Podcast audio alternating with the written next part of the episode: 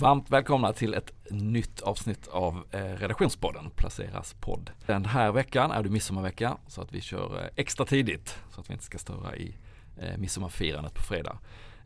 Och det är vi som sitter vid bordet idag är jag själv, Martin och det är mitt emot mig. Ja, Per Ståhl. Och Ludvig. Ludvig diagonalt mitt emot mig och bredvid mig vår helt nya stjärna. Rebecka Gärdrup, hej! Välkommen hit. Superkul att vara här, verkligen. Grattis, välkommen. Det är ju ett rookiebord får Ja, jag väl säga. två, tre rookies. Ja, Ja. nu är det tre stycken. det är härligt. ja, det är fint. Det är fint att vi fyller på lite eh, underifrån så att man inte behöver vara sist in längre. Nej. Eh, men vi kan väl börja med att eh, presentera Rebecka eller om du kort presenterar dig själv. Hur, eh, hur kom det sig att du Jag heter Rebecka då och har pluggat civilekonomprogrammet i Linköping. Nu har jag fått den stora äran att få vara här i sommar. Eh, och det känns otroligt kul, jag är väldigt peppad på sommaren. Det är vår ära att ha dig här. Hur är det med aktieintresset? Du är väl här av en anledning, eller ja, hur? självklart. Annars hamnar man inte på att placera om man inte gillar fonder, investeringar och aktier. Framförallt aktier. Det var önskemål om att jag skulle ta upp några av mina innehav idag i podden. Jag är jätteintresserad. Vad har, liksom, vad har du? Vad är du för typ av investerare? Är du, har du de bästa tiderna? Är du värdeinvesterare? Har du suttit här med dina, dina bankaktier i flera år och våndas och tyckt att eh, det har varit tufft? Eller har du kört de här, som Ludvig, spelbolagen och mer tillväxtraketer? Eller vad, var är du i landskapet, tycker du? Ja men lite blandat. Dels har jag en del industribolag eh, som jag har hållit på och även eh, några eh, investmentbolag.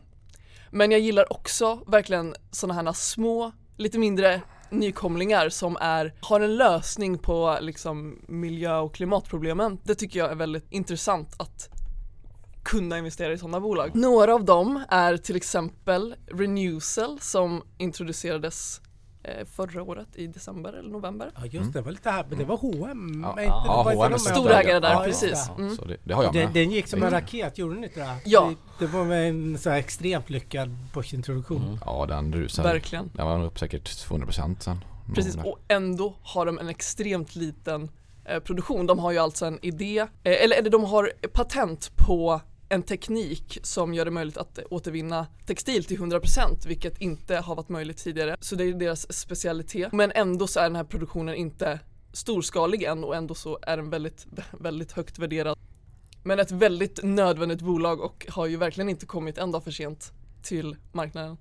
Hur gjorde du där? Var du inne på, fick du tilldelning på för det- börsintroduktionen eller var du inne och handlade? Jag var faktiskt första introduktionsdagen så jag var inte på Ibone tyvärr alltså. Men den är fortfarande upp, även fast den har gått ner nu lite under något- våren. Men det är ett långsiktigt innehav. Den Ja, här, men det är den här vill du äga under ganska många år antar jag för att den här tekniken ska slå igenom och det ska bli erkänt på marknaden. Och, Ja men verkligen. De har ju, letar ju fortfarande efter ställen eh, att producera den här tekniken och liksom kunna skala upp den här tekniken. Men eh, vilket verkar gå lite segt. Men ja, men på lång sikt, det är ju det här som behövs. vad gör du med investmentbolagen? För det har ju varit lite investmentbolagvecka på redaktionen för Ja, våran, våran, våra systerbolag Börsveckan har ju Ja.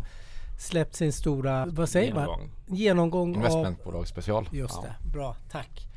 Även du har investment, jag tror vi alla sitter med investmentbolag här runt bordet. Ja, inte jag faktiskt, tyvärr. Eller tyvärr historiskt sett. Framåt är det väl frågan då med tanke på att rabatter har blivit premier så är väl frågan om de kan fortsätta slå index. Det blir ju tufft men, eh, men ni som har varit med på resan är det bara att lyfta på hatten för. Vad, vad, vad tycker du? Du gillar ju investmentbolag uppenbarligen som du äger ett par eller något. Vad, vad, vilket bolag har du fastnat för eller vilka aktier? Jag har Kinnevik och Investor. Och Investor har ju gått väldigt bra, köpte det i 2018 eh, och ägt det sedan dess. Eh, Så det tänker jag också är en bra diversifiering i portföljen eh, med sådana här investmentbolag. Att man får liksom en riskspridning så att man kan satsa på sådana här lite eh, Mm. nya bolag helt enkelt. Ja, du får stabila utdelningar från Investor också så det, det finns ju fler fördelar. Och fortfarande lite rabatt. I, Den har ju fortfarande en liten, liten, Fast- historiskt har den varit mycket större. Ja. Men det är Ja. fortfarande en liten rabatt i Investor. Mm. Sen är väl de- värderingarna väldigt höga på de här underliggande innehaven i Investor också. Men ja, jag är också Investor. Det är ett jättefint bolag. Men det är klart, slår man ihop Investor och Kinnevik då får man ju få en väldigt bred exponering med både industribolag och eh, eh, nyare teknikbolag då i Kinnevik. Så att det Och banker. Och, Och EQT banker. får Ja, du mycket allt. också. Ja, du får lite av allt. Ja. Du får en Och bra riskspridning. Ja. Och. Babylon säger Som du gillar. som du har intervjuat. dollargrin i. Ja. ja, Babylon ska bli spännande. Är det något mer innehav du vill lyfta fram innan? Var också med på en annan IPO i eh, ja, 2019, Insight, som jag också har skrivit om. Ah, Som gör ellastbilar små. Eh, lite mindre lastbilar. är det för så här stadstrafik och sånt? Den typen av leveranser till butiker och dylikt? Precis, exakt. Varuleveranser Mm. och eh, alltså insta- innerstadstrafik Ja. helt enkelt. Mm. Eftersom den max kan gå i 50 km i timmen. Men ett, jag tycker det är ett eh, väldigt spännande bolag. Också där liksom en, en lösning på ett eh, klimatproblemet helt enkelt. Du vill inte ha, jag bor själv i innerstan. Mm. Jag, gillar, alltså de kom, jag förstår att de måste komma fram de här, inte de här stora långtradarna, men hyggligt stora lastbilar med leveranser och det är klart, det måste butikerna. Men de står och puttrar och det är diesel och det, det känns inte sådär Känns inte riktigt framtid. Nej, det känns... Jag har hört dem där hela, min, hela mitt liv liksom och det, känns, det har inte hänt någonting där. Så det, jag välkomnar det här renare, miljövänligare och tystare alternativet. Jag tycker där, du sa det innan att det går lite långsamt allt. Jag hade ju förväntat mig att de här bilarna skulle börja rulla mycket mer. Jag väntar ju varje dag på att Mm. få ljudlösa små transporter utanför dörren. Ja, men en grej som är, jag tycker är väldigt bra med det här företaget är att eh, många i ledningen och eh, ägare, i alla fall ledningen, är från andra, alltså fordonsbranschen. Vilket så här också legitimerar bolaget i sig. Att de har kunskap och eh, ja, men jag tycker verkligen det leg- legitimerar bolaget helt enkelt mer. Men du är uthållig här också. Här har du varit inne några år. Eh, Du- ja, du har ju en precis. långsiktig investeringsstrategi vilket Ja, det är det. är helt uppenbart. Man är också, man gillar ju att hålla kvar vid de här som också har gått bra. Det Ja, tenderar men man ju att göra. Man ska rida de som går bra. Exakt, det är Det tycker det jag. klassiska misstaget att inte göra det annars. Att man Mm. säljer vinnarna och så hoppas man att förlorarna ska vända Mm. också. Ja. Gör de inte alltid det. Det är helt fel liksom. Ja, det är helt fel. Jag tänkte på en annan sak. Jättebra, jättespännande. Jag håller med. Jag gillar investmentbolag. Jag, gill, jag är nyfiken. Jag gillar det nya. Jag har tänkt på en annan sak som har gått lite under radarn. Om jag säger Rysslands fonder, vad säger ni då? Politisk risk. Men om jag säger avkastning i år är det faktiskt bättre än Stockholmsbörsen. Jäklar. Så. Ja? Är det något? Är Känner ni att ni har koll på det? Nej, Nej. man vet ju att oljan har ju rusat. Oljan har ju Då brukar rusat. Ryssland gå är- bra, men eh, Men vad är det mer som har dragit upp det då? Är det något speciellt? Alltså, Nej men du har råvarupriser. Det är ny råvarutung och energitung. Det går inte att komma ifrån. Det är, och finanstung. ja, Så du plockar upp alla de här värde, klassiska värdebolagssektorerna då. Råvaror, energibolag och finans. Mm. Såklart. Det är 85 procent av börsvärdet. Men det finns mycket nya Ryssland. Det är mycket internet. Jag vet att Mm. du håller på att titta lite på det. Ja men mig slog det har varit lite under radarn för jag har inte läst särskilt mycket om det. Jag fick en... I fredags fick jag någon rapport som kom skickad någon hade utifrån en amerikansk investeringsperspektiv såklart i dollar, dollaravkastning. Men då var faktiskt ryska börsen nummer två efter Torontobörsen som också är väldigt råvarutung då. Men det var lite intressant, det har gått lite under radarn. Det är visst det är politisk risk men eh, ja, investerarna letar sig ändå dit uppenbarligen, de globala investerarna också. Oavsett Ja, och oljepriset är ju tillbaka över där det var innan, innan, innan eh, pandemin slog till. Så att den här eh, eran som kanske många trodde att det skulle bli en lång, lång eh, utförslöpa med oljepriset nu. Det hämtar sig snabbare än, än väntat. Ja men det gjorde det och jag tänkte på det, nu är inte index tillbaka än före pandemin heller. Den gick inte så bra förra året Ryssland. Den går lite varannat år mot tillväxtmarknadsindex och den, den rör sig lite då. Men eh, jag tyckte det var lite intressant, eller det var inte så ologiskt att den har gått bra. Men det har varit utanför de flestas Mm, radar tror jag att, att den har eh, presterat så pass bra och den är fortfarande oerhört lågt värderad. Det går att hitta bolag som avkastar, som har direktavkastning. Som du gillar, höga direktavkastningar. 12% Det gillar liksom. väl alla? 12, 15 till och med. Det Jäklar. finns stålbolag som om Ja. stålpriserna håller uppe nu så finns det indikationer på 25-procentig avkastning. Det är bra. Det, det brukar ju vara en signal om att någonting inte är uthålligt heller kanske. Äh, vi får ju se. Ja. Men jag, jag tyckte att det var en liten sån här spaning.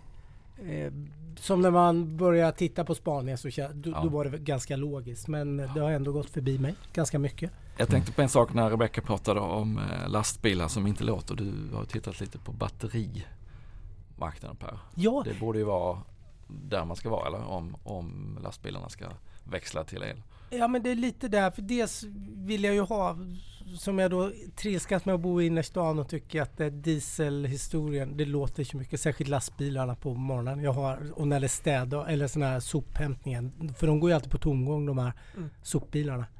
Dieseltomgång, inte det roligaste att höra på morgonen då. Så där skulle jag se el, gärna att det elektrifieras och det händer ju jättemycket. Jag tittar på batterier av en anledning, för jag tyckte att det för det, det är en så pass viktig, ellagring är ju liksom centralt för hela elektrifieringsprocessen och, och göra det liksom mobilt att man kan förflytta sig med elmotorer och då är batterier liksom. Kärnan.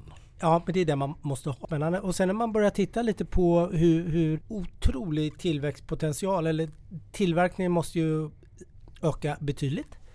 För att fordon, eller de här fordonsindustrin kommer sluka över 50% av alla av all batteriproduktion. Och då snackar vi om batterier till mobiler och datorer. All, ja, du har ju din dator här som har batterier som är laddningsbara.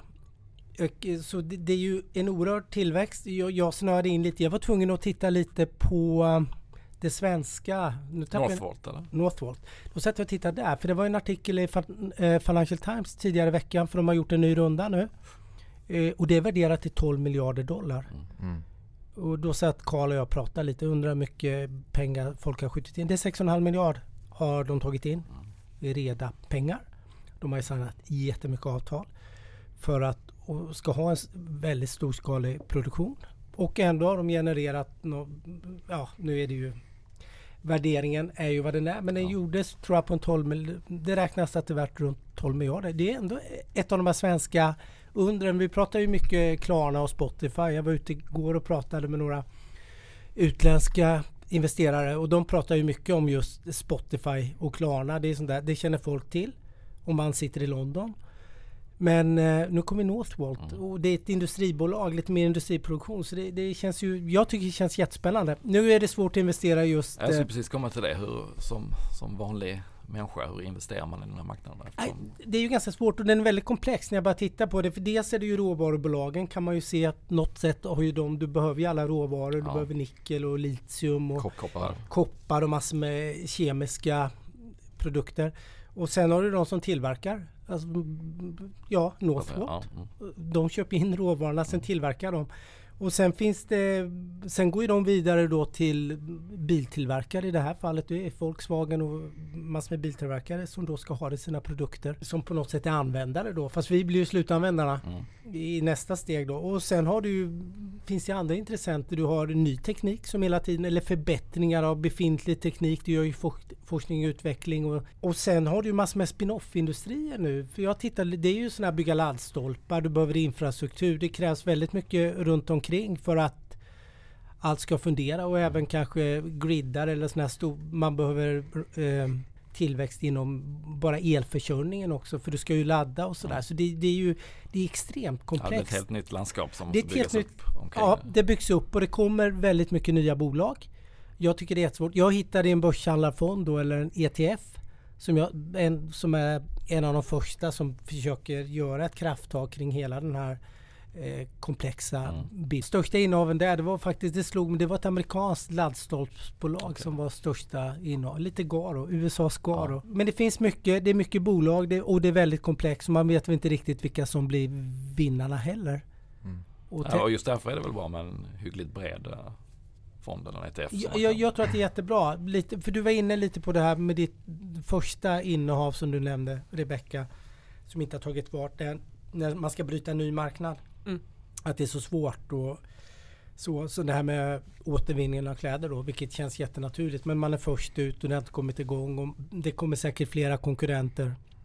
Och så vidare. Man vet inte vilken teknik som blir vinnare och sådär. Mm. Men batterier är här för att stanna. Jag är helt övertygad. Och det, det visar bara, du har ditt, eh, inte lilla då, men det här, de som gör de här lite mindre lastbilarna. Mm. Det händer jättemycket. Och det behöver hända jättemycket för Verkligen. står vi för Ja, och man, varje man ser dag. varenda biltillverkare nästan har ju satt upp ett år där de ska gå över helt till, eh, till batteridrift eller åtminstone inte fossil drift. Och vissa ligger ju bara 3-4 år bort och vissa är väl runt 2030 så alla kommer behöva det här. Alla att, kommer eh, behöva. Men det är så här tematiska investeringar är lite jobbiga för de kan gå väldigt eh, upp väldigt mycket förra året. Det såg vi den här eh, förnybar energisektorn som Mm.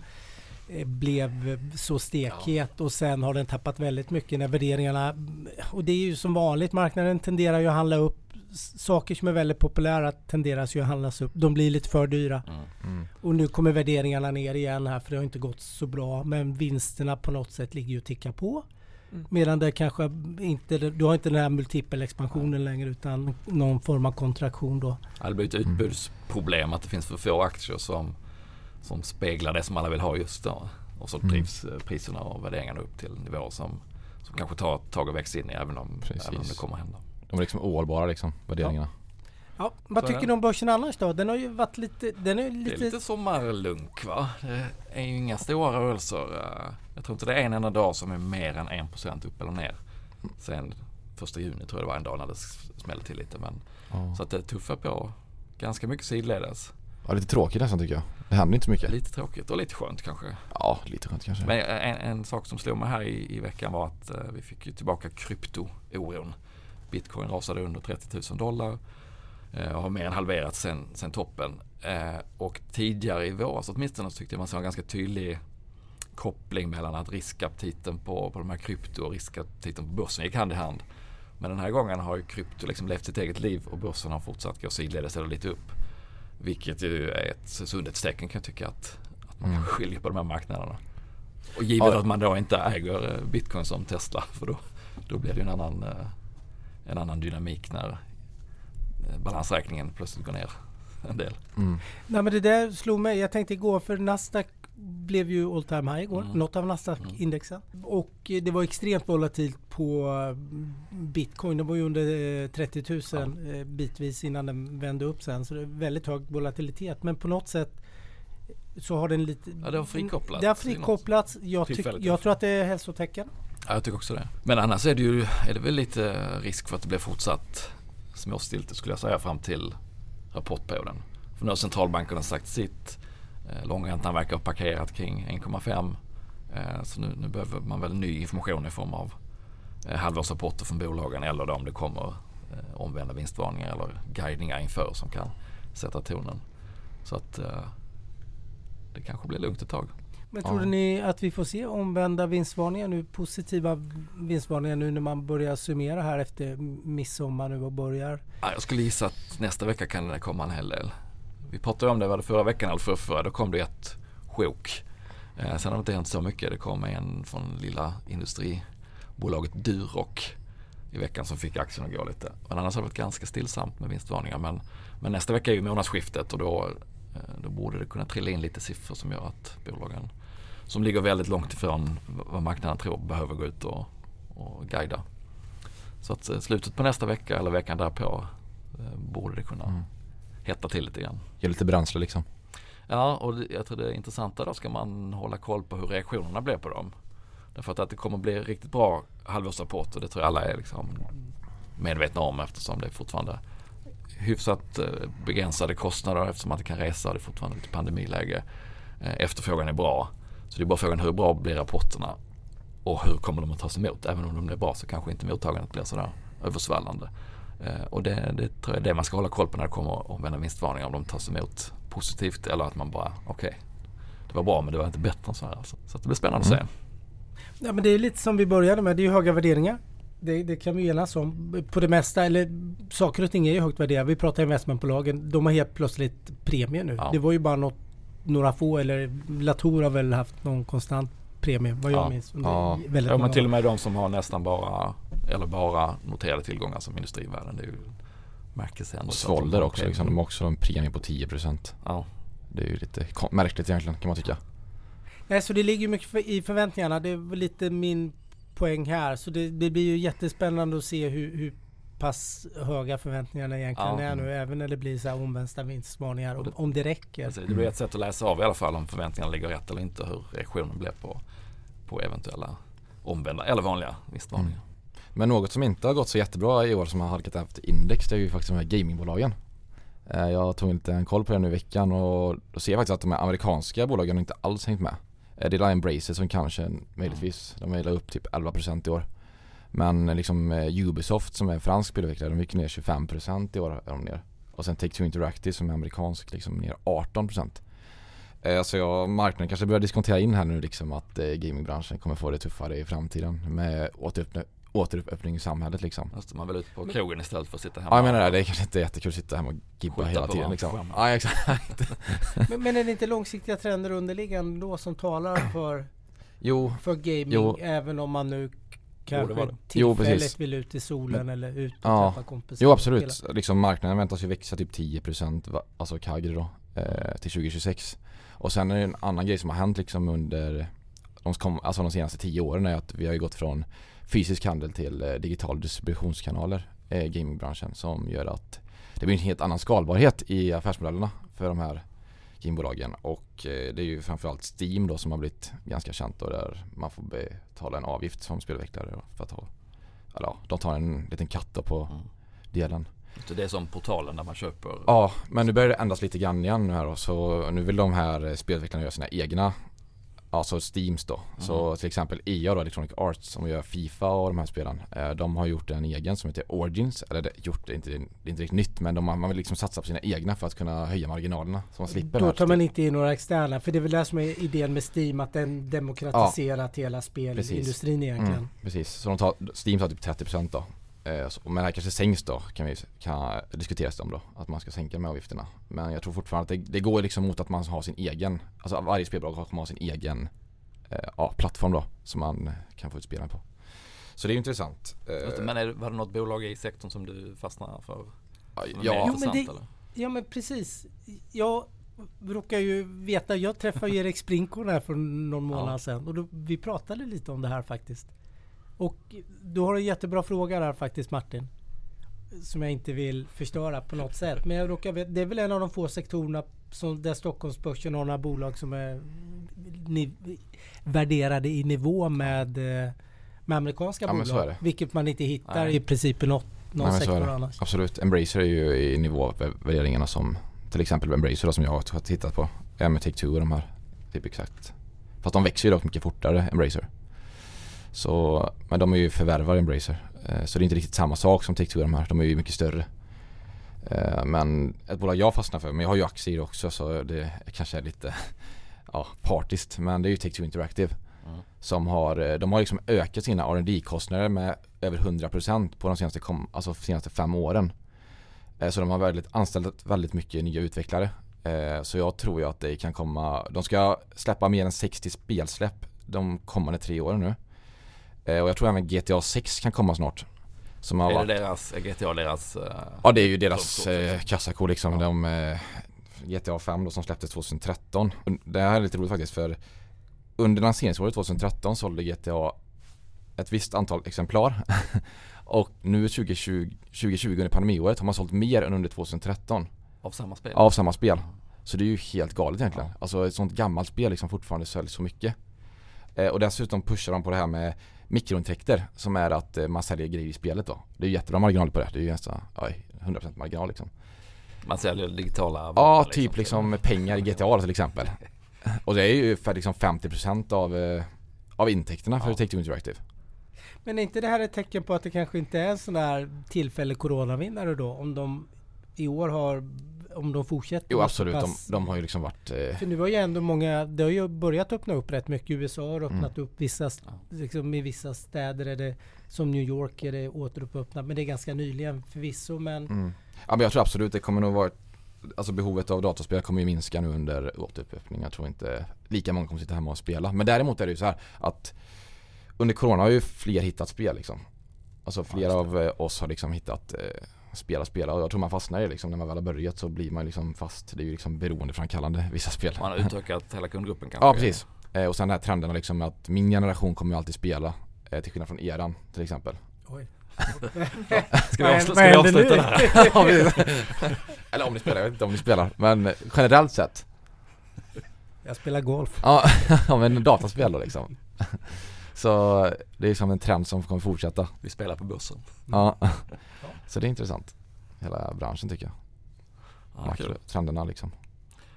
A- Apropå att sälja tillbehör, inte digitala då, men jag tittar ju på, eh, sprang på en, en oväntad börssuccé den här veckan i, i form av Foppatofflans ägarbolag Crocs, amerikanska Crocs.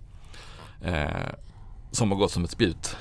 De var upp nästan tio gånger sen, sen botten under, under corona. Och, Har alla köpt Crocs och går hemma då? Är det det som är grejen? ja det är en Nej. faktor. Ja, det kan en faktor att man går omkring i mysbyxor och, Ett och, par bekväma och inneskor. bekväma skor. Men framförallt är det att de har lyckats otroligt väl med eh, marknadsföring med hjälp av influencers och kändisar. Eh, Justin Bieber och Drew Barrymore och lite andra. Och den eh, kanske inte för, för mig i alla fall tidigare okända puertoricanska rapparen Bad Bunny. Har de kört en kampanj med. Så de går omkring i, i i eller foppatofflan som vi kallar det. Eh, vit, någon slags vit eh, träningsoverall och självlysande vita foppatofflor. Men, men det som kommer till är att man kan också då personalisera sina foppatofflor med små tillbehör eh, som kostar kanske en, en 4-5 dollar som man, man trycker i de här små hålen. Det, apropå det här att, att ha en, en eh, andrahands, vad säger man, en eftermarknad Mm. som måste vara otroligt lönsam. Så har de lyckats väl med det också. Eh, och de växer 60% under första kvartalet. Man väntas då gå från en, har legat på en omsättning kring en miljard dollar i tio år nästan där man har varit rätt så illa ute under en period men nu, nu bara det och eh, snittförväntningen är att de ska passera 2 miljarder dollar i omsättning i år. Bra lönsamhet, vinsten per aktie exploderar eh, och, och aktien har då gått upp 70% i år tror jag det var och, och nästan en tiodubbling där sen botten. Så att en helt otrolig vändning för det här bolaget och eh, i Sverige tror jag inte det har hänt så mycket för att de Foppa har inte längre agenturen för försäljningen här så att eh, han, hans roll i det hela är inte så stor längre men, men lyckas väldigt bra i USA och, och skulle de lyckas bra i Asien och en inbrytning som de gör just nu på sandalmarknaden. Den känns het. Alltså det bara slår mig när jag Ja. går ut. Alla har sådana här.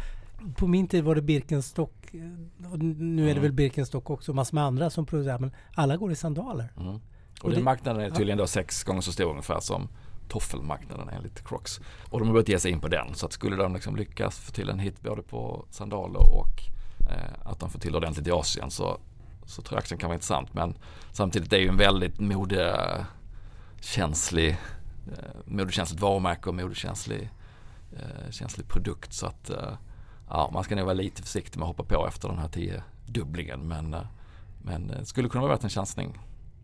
Är de här smyckena en stor del av omsättningen? Eh, jag vet faktiskt inte hur stor del det är men jag bara tittade vad de kostade och noterade att en, en ordinarie pris på själva tofflorna är kanske 40-50 dollar. Mm. Eh, och de här kostar 5 dollar. Och de är ju gjorda av någon lite skumgummi. De kan ju kosta Mm. liksom inte många cent att tillverka. Nej, nej. Bra Hur många sådana liksom. lägger du Mm. på skon? En eller två eller flera? 5-10 stycken om man, om man ser på hur det ser ut på Ja det är så pass alltså. Jag kommer ihåg att jag hade sån när jag var liten. Då hade jag någon, sån här Älvsborgsmärke. kommer ihåg. Men även om inte det skulle vara så stor del av om, omsättningen så är det ju ett sätt som har fått varumärket att lyfta igen för att man, man kan göra sin egen foppatoffla. då. Jag gillar, jag älskar ju företag som förnyar sig själva liksom och på något sätt. Och de, de har haft en stagnerad omsättning under tio år. Mm. I princip folk som har det är sannolikt jättenöjda men man har inte hittat så många nya. Ja, och varumärket har kanske varit mer liksom förknippat med att man eh, lufsar omkring hemma eller på, på en campingplats kanske och, och nu har man lyckats lyfta det till ett lite premium varumärke. Eh, och det tycker jag gör att de borde vara lite mindre känsliga för lågpriskopior för det var det som, som sänkte dem förra gången de hade en riktig hype i, kring 2006-2007. Sen, de är inte helt svåra att kopiera utseendemässigt. Eh, så att där dog liksom aktien och låg, och låg ganska stilla i, ja, vad blev det, 14 år, 13-14 år. Och nu har de haft en jätteboom igen. Eh, så vi får se om det är tillfället den här gången men jag tror att eh, de behöver inte gå ett lika tufft öde till möte som efter förra boomen i alla fall. För att jag tror de har lyft lägstanivån ganska ordentligt. Så spännande, spännande chansning om man, om man vill ta ett bett på att de lyckas i Asien och att de nafsar sig in på sandalmarknaden. Nu får du köpa nya Ja foppatofflor det, det får jag göra. Vet Ja, inte hur det är med Älvsborgsmärket om det hänger med eller? Nej, jag Men- får köpa ett nytt sånt. Ja, men hur har det sett ut i era egna lådor den här veckan då? Någon som har gjort några affärer? Nej, jag har inte gjort någonting. Ingenting. Nej jag har inte gjort någonting men jag noterade dock att Crowdstrike var upp eh, 8% igår. De fick en ny riktkurs på 300 dollar per aktie. Cybersäkerhets... eh, Cybersecurity. Yes. Ja. Så nej, annars är det väl ingenting. Nej jag har inte gjort någon affär. Du då? Nej, jag har inte gjort någonting heller. Och inte jag heller. Jag har gjort som börsen, legat och puttrat sig. Du har inte blivit sugen på din kryptotrade nu då när, Nej. när bitcoinen liksom gått under aldrig 30 000? Aldrig varit mindre sugen. Det äventyret är avslutat. Men jag gjorde mitt senaste värv var ju Idun Ja. Industries det här, ja investmentbolag får man väl säga då. Ja, lite serieförvärvare va? Ja, se, ja serieförvärvare mer. Ja, slash serieförvärvare är rätt ord. Som blev väldigt bra, men nu har den backat tillbaka lite. Den gick oerhört bra under tunnhandel, ska dock sägas. Men jag är långsiktig. Så det, det ska bli jättespännande. Men jag har inte gjort någonting heller. Så det... Men Är det något ni funderar på att ta in i portföljen då? Något som, ni, som lockar liksom? Jag tror jag kommer sitta lite lugnt och invänta vad rapporterna säger. Så att, nej, ingen som är sådär uh, topp topp på listan som ska in. Om inte det kommer ett större um, börsfall för då finns det ju alltid en, en lång Mm. lista med kul grejer man kan ta in. Vad bra. Jag tycker att vi, inte riktigt nu tar midsommarhelg, men eh, man börjar ju ladda lite för midsommar. Ja, det tycker jag. Ja, vi får önska alla lyssnare trevlig midsommar och trevlig sommar om ni Och, och ett bra väder. Ett bra Ett bra- väder över ja. midsommar kan vi framförallt. inte påverka. Men Jag hoppas det.